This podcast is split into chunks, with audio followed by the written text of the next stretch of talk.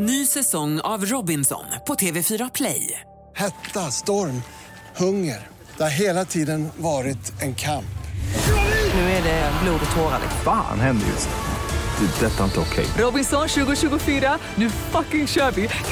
Streama söndag på TV4 Play.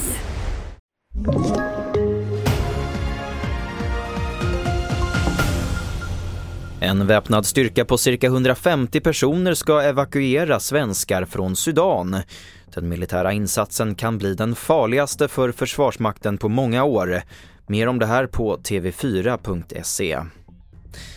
Utrusta fler svenska broar med skyddsräcken för att förhindra självmord. Ja, det kravet kommer nu från organisationen Suicide Zero som menar att det dussintal broar i Sverige som idag har skydd är alldeles för få. Rickard Bracken är generalsekreterare på Suicide Zero.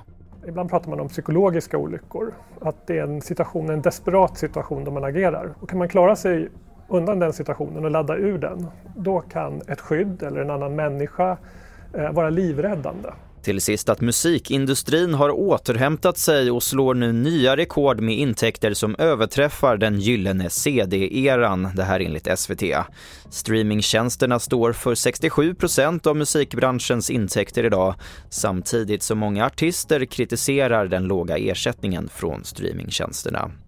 Fler nyheter det får du på tv4.se. I studion Albert Hjalmers.